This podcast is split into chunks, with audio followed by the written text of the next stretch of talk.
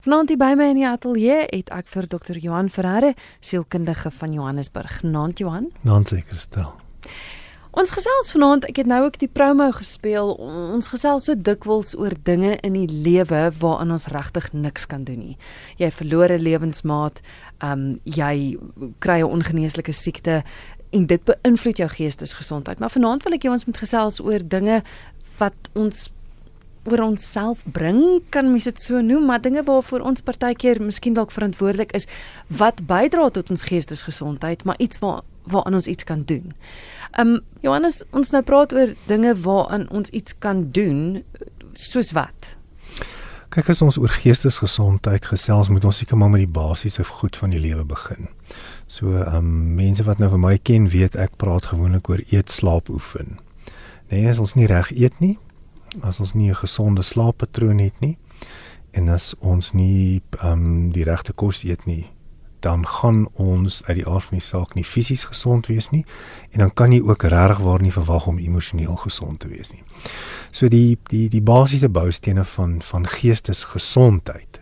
Mense wat geestesgesond wil wees, wat daarna streef, ehm um, moet moet hulle gaan kyk na na hoe hulle hoe hulle net hierdie hierdie basiese elemente van hulle lewe bestuur. As jy as jy hoe ehm um, kwantiteit suiker eet of hoe kwantiteit stimulante gebruik, ehm um, as jy verkeerde kossoorte eet, dan gaan jy is grimmig wees, jy gaan geïrriteerd wees, jy gaan prikkelbaar wees en dit maak dat jou geestesgesondheid oor tyd dan afgetakel kan word. Mense wat nie gereeld en gereguleerd slaap nie, Hulle ly eintlik maar aan slaapdeprivasie en ehm um, jy weet om mense te weerhou van slaap is maar 'n manier om jy weet om om mense regtig waar emosioneel af te takel. En verloor mens eintlik jou um, jou vermoë om rasioneel te dink. En dan natuurlik as ons nie oefen nie, skei jou liggaam nie endorfien af nie kan nie daai lekker gevoel nie, jou liggaam funksioneer nie meer um so optimaal nie. So as jy regtig waar gesond wil wees, dan moet jy met daai basiese elemente begin en dan moet jy leer om dit effektief en haalbaar um en volhoubaar te onderhou. So dit help nie jy jy hang nou een of ander dieet aan wat wat onmoontlik is om vol te hou mee nie uiteindelik moet ons by iets uitkom wat jy op 'n gereelde basis in terme van 'n lewenstyl kan uitleef wat dan daartoe bydra dat jou brein optimaal funksioneer en dan het jy regtig die beste kans dat jy ook emosioneel gesond sal voel. En hierdie drie goed, eet, slaap en oefen is iets wat waaraan ons iets kan doen. Ons kan almal iets daaraan doen.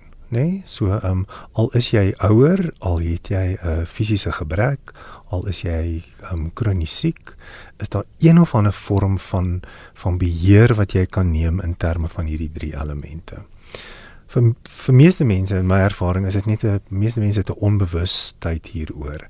Hulle dink nie noodwendig wat hulle eet nie.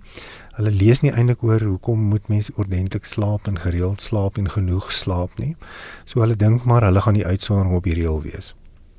En dan uiteindelik kry ons mense wat aan uitbranding ly, mense wat depressief raak, net mense wie se se um, kwesbaarhede in die lewe na vore tree omdat hulle nie die basiese elemente van van hulle lewe onderhou nie.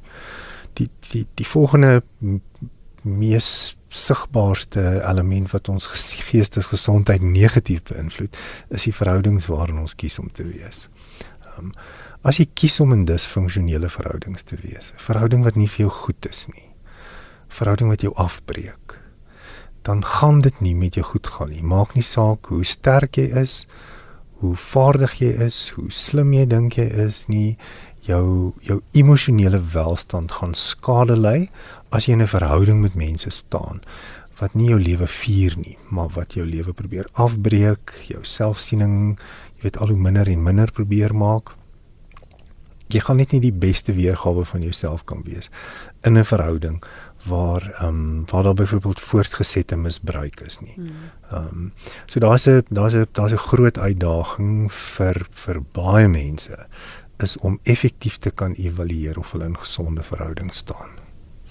Is iemand wat vra kan iets soos werk wat ook soms dalk kan lei tot geestesgesondheidsprobleme, is dit ook iets waaraan jy iets kan doen? Verseker nie, dis my dis my punt nommer 3 op die lys. Is ons spandeer soveel tyd by die werk. Ehm um, dat indien dit nie vir jou lekker is nie, indien jy nie indien jy nie 'n mate van bevrediging daaruit uitput en dat jy voel dat jy betekenisvol is by die werk nie, dan gaan dit uiteindelik negatiewe emosies tot gevolg hê en gaan jy gaan jy net voel dat dit nie die moeite werd is nie, jy gaan uitgeput raak. Daar gaan vir jou geen vreugde wees nie. Jy gaan dit op die ou uiteinde net nie meer wil doen nie. En dan word dit net hierdie voortdurende sleur van aktiwiteite wat jou eintlik net leeg tap en wat op die ou uiteinde negatief inwerk op jou geestesgesondheid.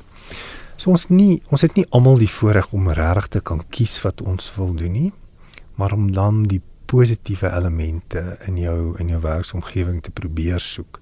En as daar regtig niks positief is nie, om dan te probeer kyk na alternatiewe wat vir jou sal beter wees.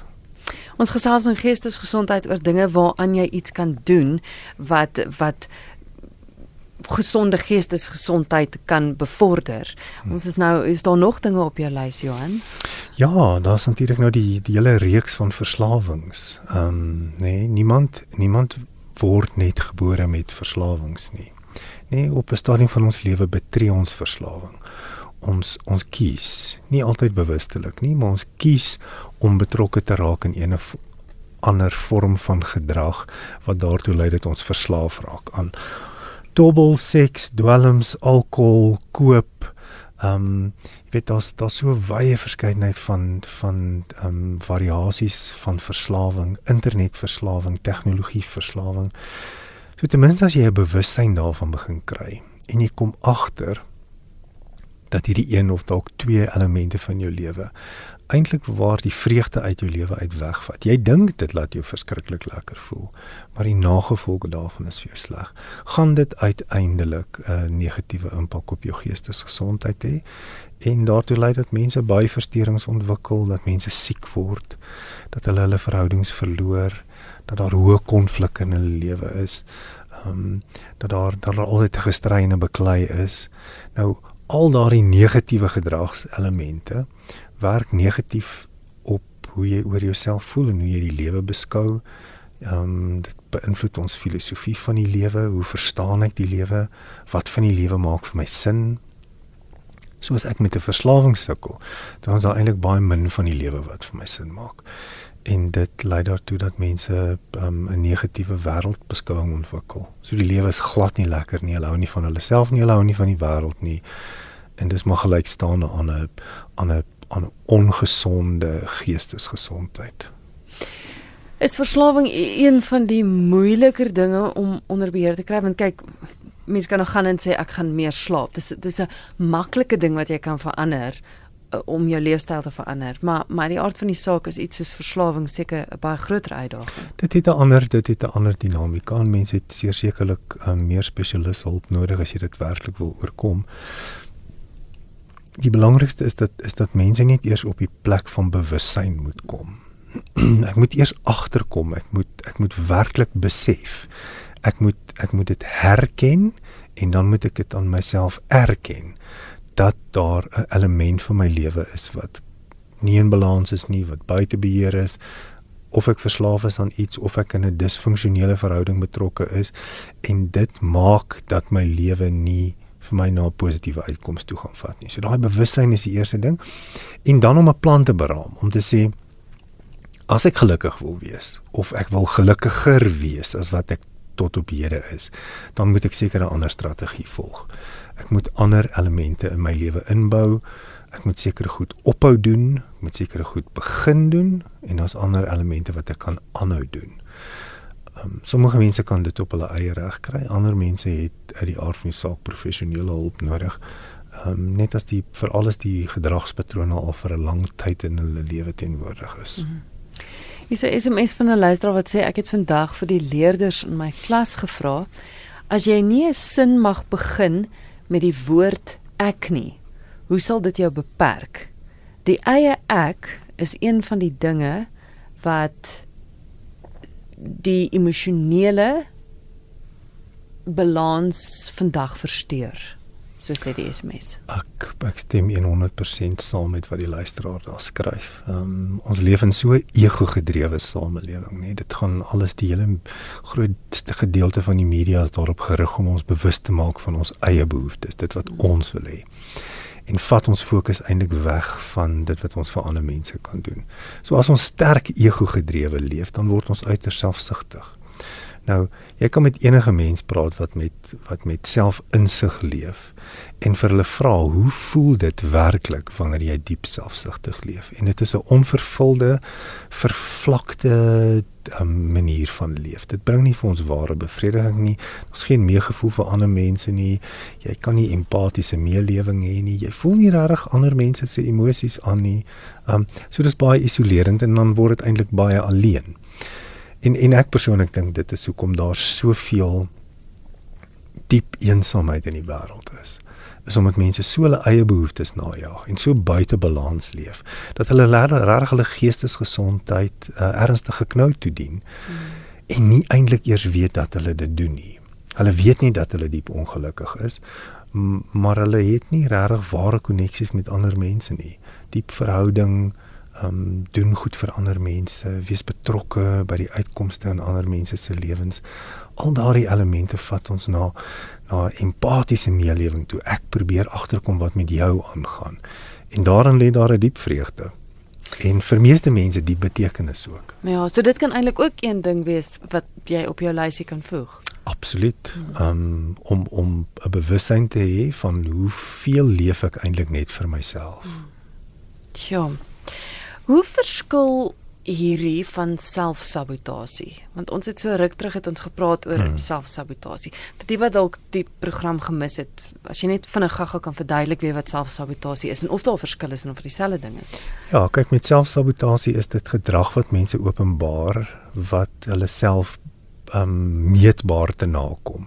Hulle is dalk nie bewus daarvan nie, maar hulle is in 'n gedragspatroon verval wat nie vir hulle positiewe uitkomste gaan lewer nie. Ehm um, dis dis gewoonlik meetbaar en is gewoonlik sigbaar vir mense rondom jou. Dis soos iemand wat ehm um, wat konstant ooreet. En dan word hulle naderhand siek en hulle het naderhand diabetes en hulle en hulle kan net nie die die proses van gesond leef onder die knie kry nie. So hulle doen dit eintlik aan hulle self. As mens as mens daardie bewussyn kan ontwikkel dan kan jy mos nou sê ek wil minder begin doen van dit wat vir my sleg is en meer begin doen van dit wat vir my goed is. In terme van geestesgesondheid is die is die die die die kardinale punt is of die persoon bewus is daarvan of nie. Ehm um, baie keer voel mense emosies maar hulle weet nie waar dit vandaan kom nie. Nou emosies kom van drie plekke af. Dit kom of van ons gedrag af of dit kom van ons denkpatrone af of dit kom van ander emosies af. So of ek doen iets of ek dink iets of ek voel iets wat na 'n negatiewe emosie toe lei. En dit gaan jou geestesgesondheid negatief beïnvloed. So om nie net te fokus op hoe ek voel nie, maar om te kyk wat kan die bron van hierdie emosie wees? Is dit iets wat ek doen wat vir my sleg is? Is dit iets wat ek dink wat vir my sleg is? Of voel ek alreeds so sleg dat daar eintlik net negatiewe emosies voorvloei. Mm. Hier's iemand wat 'n SMS stuur wat as ons nou terugkom na die eet toe, ehm um, wat sê ek het 'n absolute ongesonde obsessie oor eet. Ek weet ek eet te veel, maar partykeer sal ek 'n hele boks koekies met een slag opeet. Daarna voel ek besonder skuldig. Is dit iets wat voorheen in my lewe gebeur het? Is dit ek weet dis iets wat ek verkeerd doen waaraan ek self iets kan doen. Ek weet net nie hoe nie. Dit klink my daar's daar's al reeds 'n punt van bewussyn vir die persoon weet dat hulle dit doen en dat hulle dit al vir 'n lang ruk doen. Ehm um, sommige mense is emosionele eters, so eers in hulle lewe het hulle geleer dat wanneer hulle emosioneel ontsteld voel of wanneer hulle wonderlik voel, dan eet hulle gou-gou iets. Ja. En en dit is 'n gedragspatroon wat aangeleer is. So wat die persoon kan doen is om te sê hierdie negatiewe emosie, die skuldgevoelens klink vir my vloei voort vanuit gedrag wat geopenbaar word. Ek eet die hele boks koekies op. Ek kan mos nou sien ek doen dit My vraag sou wees hoekom is daar 'n hele boks koekies in jou huis? Ehm um, as jy nou weet jy het hierdie swakheid om dit te doen, kom tot 'n bewustelike insig en besef jy moet sekere goed nie in jou huis hê nie. Ek weet nie of jy noodwendig 'n hele boks koekies gaan opeet as jy nou 0.30 in die aand in jou kar moet klim en dan moet ry om dit te gaan koop nie. Daar daar's 'n moontlikheid dat jy dit kan doen. Maar ten minste is die verleiding nie onmiddellik daar nie. So eerste insig is um, gaan dit regtig word net oor wat ek doen. So saboteer ek deur middel van my gedrag my eie geestesgesondheid. En daaroor het ek tog nou beheer. Ek kan mos nou kies wat ek koop. Ehm um, en en indien ek regtig waar nie beheer daaroor kan kry in terme van gedrag nie om dan met iemand te gaan gesels en sien is daar dalk 'n emosionele haakplek elders het ek seer gekry en en voed ek myself nou eintlik emosioneel deur te ooreet. Um, dit is dis gewoonlik 'n gesprek wat mens maar met 'n professionele persoon moet hê om te probeer agterkom waar het ek hierdie hierdie vergoeding wat ek vir myself gee wat negatief is aangeleer en het dit 'n gedragspatroon geword. Asseblief, jy is meer as welkom om SMS'e te stuur. Ek sien hier's Bittermin wat deurkom. Ek weet nie of meeste mense dalk al slaap nie. Asseblief stuur 'n SMS na 45889. Ons wil graag hoor wat jy te sê het of 'n vraag vir Johan het. Jy's welkom om 'n SMS te stuur 45889. Elkeen kos jou R1.50 of jy kan ook skakel ateljee toe as jy self met Johan wil gesels. 089 1104553. Dis 089 1104553. Is 'n siel op wiel wat 'n boodskap gestuur het wat sê ek weet ek kry te min slaap. Maar as ek as ek nie ekskuus as ek nie werk nie, dan kry ek nie geld nie en ek moet deur die aand ry want dit is wat my maatskappy van my verwag. Wat staan my te doen? Kyk, um, om aan slaapdeprivasie te ly, dit beteken nou dat jy dat jy oor tyd jy mis nou nie een of twee aande hmm. se slaap nie. Dit is nou langdurige slaap, um, slaapdeprivasie. Gaan eenvoudig daartoe lei dat dat al jou funksies gaan verlaag. Jou kognitiewe funksies, met ander woorde jou verstandsfunksies, jou liggaamlike funksies, jou emosionele ehm um, veerkragtigheid, jy gaan jy gaan geïrriteerd en prikkelbaar raak. So wat ook al die konteks is waarbinne jy leef. Jy moet besef dat as jy lankdurig nie gaan slaap nie, gaan jou geestesgesondheid daaronder ly en sal jy definitief emosionele effek daarvan begin voel. So indien jy deur die nag moet werk, sommige mense moet moet ehm um, nagskofte werk of hulle moet moet sê vir 'n week lank baie min slaap hê, maar op een of ander tyd moet jy moet jy rustyd inbou en moet jy moet jy van daai slaapskuld wat jy nou opgebou het, moet jy nou begin terugwerk. So enige mens moet hulle slaap opvang. As jy lankdurig nie gaan slaap nie, dan gaan jy vir jouself fisiese, emosionele, intellektuele skade aanbring. Op een of ander stadium gaan jy net ophou funksioneer, jy gaan in uitbranding ingaan indien jy lankdurige slaapdeprivasie het. So ek ek verstaan dat ons moet leef en dat ons moet werk en en ons eer vir mense wat dit doen en wat baie daarvan doen en wat hulle gesinne en hulle self mooi versorg. Maar op die ou uiteinde kan jy dit ook nie doen as jy nou uiteindelik uitgebrand het nie. En uitbranding is 'n baie is 'n baie werklike ding. Dit is nie dis nie iets wat wat ons opmaak nie. Dit is wanneer mense op 'n plek kom waar hulle geestesgesondheid oor die afgrond gaan. En dan hou hulle eintlik net op funksioneer. Ehm um, hulle hulle kan dan nie meer die taak verrig of die take verrig wat hulle van tevore gedoen het nie. Nie fisies nie, nie emosioneel nie, nie intellektueel nie. En dan jy weet ehm um, om ek, sê maar gewoonlik vir mense as jy eers 'n uitbranding gehad het, dan kan jy nooit teruggaan na jou vorige vlak van funksionering toe nie. So dis dis bitter gevaarlik. Ehm um, en dit is natuurlik ook bitter gevaarlik in sekere beroepe om aan slaapdeprivasie te ly. Jy weet mense wat wat masjinerie op um, mm. moet moet bewerk, mense wat wat ehm um, voertuie moet bestuur. Ehm um, dis jy weet daar's die hele polemiek van dokters en susters, ehm um, verpleegsusters wat 36 ure lank werk en dan moet hulle operasies doen. Ek wil definitief nie 'n chirurg moet moet op my opereer wat al 36 ure wakker is nie. Ehm um, kan hulle dit doen? Hulle kan seker. Uh, ek dink net nie dis baie gesond nie. Ek persoonlik dink dit is baie gevaarlik. Jy het iets interessant gesê as jy eers aan uitputting as jy uit uitgebrand het, hmm. dan kan jy nie teruggaan na normaal. Hoekom nie? Die die die teorie sê vir ons dat jou dat indien jy weer na daai vorige vlak van funksionering toe teruggaan, dan is jy eintlik weer in 'n posisie waar jy jouself weer misbruik. En ons vind oh. dan dat mense baie vinniger hulle tweede uitbranding beleef. Goed. Omdat hulle eie brein kan dekodeer, maar ek doen net alweer presies dieselfde ding. Ehm um, maar dit het dalk my nou dalk 25 jaar gevat om by die uitbranding uit te kom. Nou gaan dit my 6 maande vat en dan gaan dit net weer gebeur. Hmm. Want ek het niks in my lewe verander nie. So daar moet aanpassing wees na uitbranding sodat die mens kan sien maar ek het nou insig ek leef my lewe nou anders. Goed. Is Ah, nou daai oproep 0891104553 dis die nommer wat jy kan skakel of 'n SMS. Nancy Stein het 'n SMS vir ons gestuur. Sy sê: "Danksy een van julle programme in Desember 2015 oor selfbesering, kon ek iets daaraan doen om te stop en steeds elke dag dit nie te doen nie. Ek wil net baie dankie sê."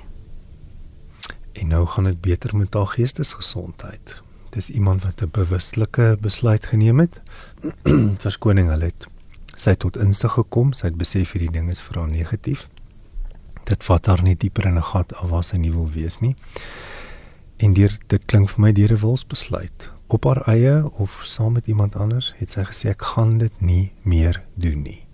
Nou dit beteken nie ons maak een keer die besluit en dan doen ons dit nooit weer nie. Mm. Baie keer moet ons by herhaling die besluit maak om iets nie weer te doen nie. En dan uiteindelik begin ons dit regkry. En dan moet ons net aanhou met daardie strategie. Maar dis hoekom dit vir my so wonderlik is dat RSG 'n program soos hierdie aanbied. Ehm um, want sy het nou na die program geluister en dikwels praat ons daaroor iemand het ook ek dink juist ons oor selfsabotasie gepraat het, het iemand jou gekontak en gesê, "Wow, ek dis presies wat wat ek kon identifiseer in iemand in my in my lewe se lewe. Ek het ja. nooit geweet wat dit is nie. So dis wonderlik dat daar 'n platform geskep word waar mense ingelig kan word en raad kan kry oor hoe om iets daan te doen. Ja, kyk nou baie jare in die sielke net ek nou geleer daar's daar sal altyd mense wees wat iets nog nooit gehoor het nie. Iets wat vir ons so totaal en al bekend en alledaags is sal vir iemand totaal en al 'n nuwe nuus wees. Baie keer is dit net omdat hulle op 'n ander plek is. Hulle hoor jou op 'n ander manier um, hulle identifiseer iets in hulle eie lewe en skielik gaan die lig vir hulle aan. So ons kan net nie ophou om daaroor te praat nie. Ons moet net nie ophou om daaroor te praat nie. Um ek het ek het 'n uh, insetsel oor Oprah Winfrey gesien waar sy net sê sy sy beoog om die hele Amerika so bewus te maak van geestesgesondheid dat niemand ooit weer daaroor sal skaam wees nie. Ja. Dit is nie iets om oor skaam te wees nie dis 'n dis 'n feit van die lewe. Mm. Ons het almal 'n vlak van geestesgesondheid. Ons is nie op dieselfde vlak nie. Soms gaan dit met my goed, soms gaan dit met my sleg. Mense wat sê dat dit nooit met hulle sleg gaan nie, hulle het 'n uh, gebrek aan bewussyn of hulle is nie eerlik nie. Dit gaan soms met almal van ons sleg. Die feit is daar is dele van ons lewe wat ons meetbaar beheer oor het. Ons dink baie keer ons het nie omdat ons voel ons het Ek voel ek is buite beheer in terme van my eet. Ek voel nie lus om te oefen nie. Ek voel die verslawing oorweldig my. Ek voel ek kan nie uit hierdie verhouding uittreë nie want dan gaan ek dan gaan ek alleen en ongelukkig wees. So ek bly eerder in die verhouding en is ongelukkig. Nou dit laat my hulpeloos voel. Hmm. Maar hoor my mooi as ek sê jy voel hulpeloos. Jy is nie hulpeloos nie. Daar's 'n verskil. Om hulpeloos te voel beteken jy voel 'n emosie. Identifiseer waar die emosie vandaan kom. As ons weet waar die emosie vandaan kom, dan het ons 'n baie groter kans om iets daaraan te kan doen. En dan voel jy nie meer hulpeloos nie, want dan sien jy ek kan een tree hiervan af wegneem. Hierdie persoon wat nou wat nou die SMS gestuur het wat ja. gesê het sy het opgehou om dit te doen. Dit moes in dit moes in 'n oomblik gebeur het op 'n dag en 'n datum, 'n spesifieke uur, het sy gesê ek gaan dit nie weer doen nie. Sy het 'n keuse gemaak. Nou sommige van ons moet daai keuse baie keer maak voor ons dit reg kry. Ehm um, en dan voel ons oorweldig en dan moet ons weer probeer en weer probeer. Moet net nie ophou probeer nie. Hmm. Want dan gaan jy nooit dit reg kry nie. Sjoe. Hier is 'n luisteraar wat sê, "Hoe keer ek my foutiewe denke en gevolglik verkeerde begeertes?" Nie 'n naam by nie. As iemand wat sê dankie vir die program. Ja, kyk fout foutiewe denke klink soos 'n of die persone alreeds 'n besluit geneem het dat die dat die denke verkeerd is. Mhm. Ehm mm um, so dit klink my daar's reeds insig en dit on, ons kan seker daai uit aflei dat die gevolge vir die persoon dan nou negatief is. So dis iets wat die persoon doen. Ehm um, dis gedrag wat geopenbaar word wat negatiewe gevolge het. Nou ons probeer maar ehm um, grootendeels mense wat met negatiewe gedrag sukkel te leer om nie noodwendig net na die stimulus te kyk nie. Die ding wat nou net vir my sê ek gaan nou hierdie gedrag openbaar nie probeer om die denkproses deur te volg tot aan die einde. So hier is die stimulus nou of dit nou nog 'n paar skoene is wat ek wil koop en of dit nou nog 'n drankie is wat ek wil drink of dit nou nog 'n lyntjie kokaine is wat ek wil snyf, moenie net dink aan wat met jou nou gaan gebeur nie. Neem 30 sekondes en dink tot okay, maar waar gaan hierdie besluit nou eindig? Wil ek die einde van hierdie storie hê? ek gaan skuldig voel, ek gaan nie geld hê nie, ek gaan um aangekla word, dit is onwettig nie, ek wil nie dit hê nie en dan staan jy 'n baie beter kans om vir die stimulus nee te sê. Wat die foutiewe denke dan nou ook al is. So probeer om die om die hele proses deur te dink en dit vat nie lank nie. Dit kan 30 sekondes vat om net te dink, okay, as ek nou hierdie ding doen, dan gaan ek nou lekker voel en dan gaan ek nou skuldig voel en dan gaan ek nou negatief voel en dan gaan ek voel ek's nie goed genoeg nie. Wil ek so voel? Nee. Okay, maar dan moet ek nee sê vir die stimulus wat nou voor my is. Ja. Is iemand wat vra van hormoon as jy nou 'n wanbalans in hormone het, kan dit veroorsaak dat jy 'n wanbalans in jou in jou liggaam het. Sy sê ek kan nie hormoonbehandeling ontvang nie want ek het kanker, is anoniem wat so vra. So so kan kan fisiese, ek dink mense kan dit deurtrek na as daar fisies foute is met jou lyf, kan kan dit ook bydra tot geestesgesondheid? Dit kan definitief jou geestesgesondheid negatief beïnvloed want ons liggaam is 'n is 'n heel stelsel. So as daar hormonale wanbalans in jou liggaam is, is dit 'n aanvaarbare feit om om te kan aanvaar dat dit ook emosioneel met jou gaan moeilik gaan. En dit is 'n baie groot uitdaging vir mense wat reeds kanker gehad het wat glad nie hormoonbehandeling kan ontvang nie. En en wat dan eintlik ehm um, jy weet ehm um, fisiologies met 'n met 'n onstabiele liggaam leef wat daartoe lei dat hulle emosies ook onstabiel is. So dis 'n baie groot uitdaging. Ek moedig gewoonlik sulke mense aan om om 'n om 'n baie spesifieke proses dan te betree van van om te gesels en en 'n plek te hê waar jy jou waar jy jou emosies kan objektifiseer, waar jy kan sê ek weet ek voel nou so, maar dit beteken nie dit is so nie, maar iemand gaan vir jou daarmee moet help. Dis baie moeilik as jy dit op jou eie moet doen, want ons emosies is mos nou oorweldigend. Soos ek nou ver oggend wakker word en ek is ek is nou so negatief dat ek nou by 'n bril wil gaan afspring. Dan help dit nie ek probeer myself oortuig dat dit 'n dom ding is om te doen nie, want dit is hoe dit vir my nou voel en dis wat dit so ongelooflik gevaarlik maak as ons nie in verbintenis en in verhouding met mense leef wat net vir ons kan sê, "Wow, kom ons vat net 5 minute en ons gesels net gou hieroor. Wat is dit? Waar kom dit vandaan?" Ehm um, jy weet hoekom is dit so oorweldigend vir jou? Dit help ons net om bietjie meer objektief daarna te kyk. So die isolasie wat mense beleef uiters gevaarlik want dit dit neem die objektiviteit um, van ons opinie weg en dit plaas ons totaal subjektief binne ons emosies. En emosies is wonderlike goed wat vir ons baie positiewe goed kan laat voel, maar die teendeel is ook waar. Dit kan vir ons na baie gevaarlike plekke toe neem. Jy is ingeskakel op Geestesgesondheid elke Dinsdag aand na die 11uur nuus en ons gesels vanaand oor dinge waaroor ons wel beheer het wat jou geestesgesondheid kan beïnvloed. My gas is Dr. Johan Ferreira, sielkundige hier van Johannesburg. Hierso is 'n luisteraar wat vra, moet 'n mens skuldig voel as jy 'n vriendskap verbreek het met iemand wat jy weet jou nie goed doen nie? ek voel gedurig gespanne in daardie persoon se uh, uh, uh teenwoordigheid, ekskuus. Ehm um, as jy voortdurend gespanne in iemand se teenwoordigheid voel, dan dink ek moet jy moet jouself afvra of dit 'n gesonde verhouding is. Wat is die dinamika van die verhouding? Dit lei daartoe dat ek voortdurend gespanne is. So dis of iets wat ek doen of dis iets wat die ander persoon doen. As dit nie vir jou lekker is in die geselskap van iemand nie, sanksioneer die verhouding, sien die persoon minder. As dit regtig waar nie vir jou lekker is nie, dan is dit mos nou ons reg om te sê maar ek wil nie die persoon meer sien nie. Nou daar's mos nou maniere om dit te doen. Ons kan mos nou oor tyd dalk die frekwensie minder maak. Maar disfunksionele verhoudings kan kan tot tot ongelooflike geestesgesondheidsuitdagings lei. Ehm um, jy weet sommige mense is uiters manipulerend in verhoudings. Um, hulle misbruik ander mense emosioneel.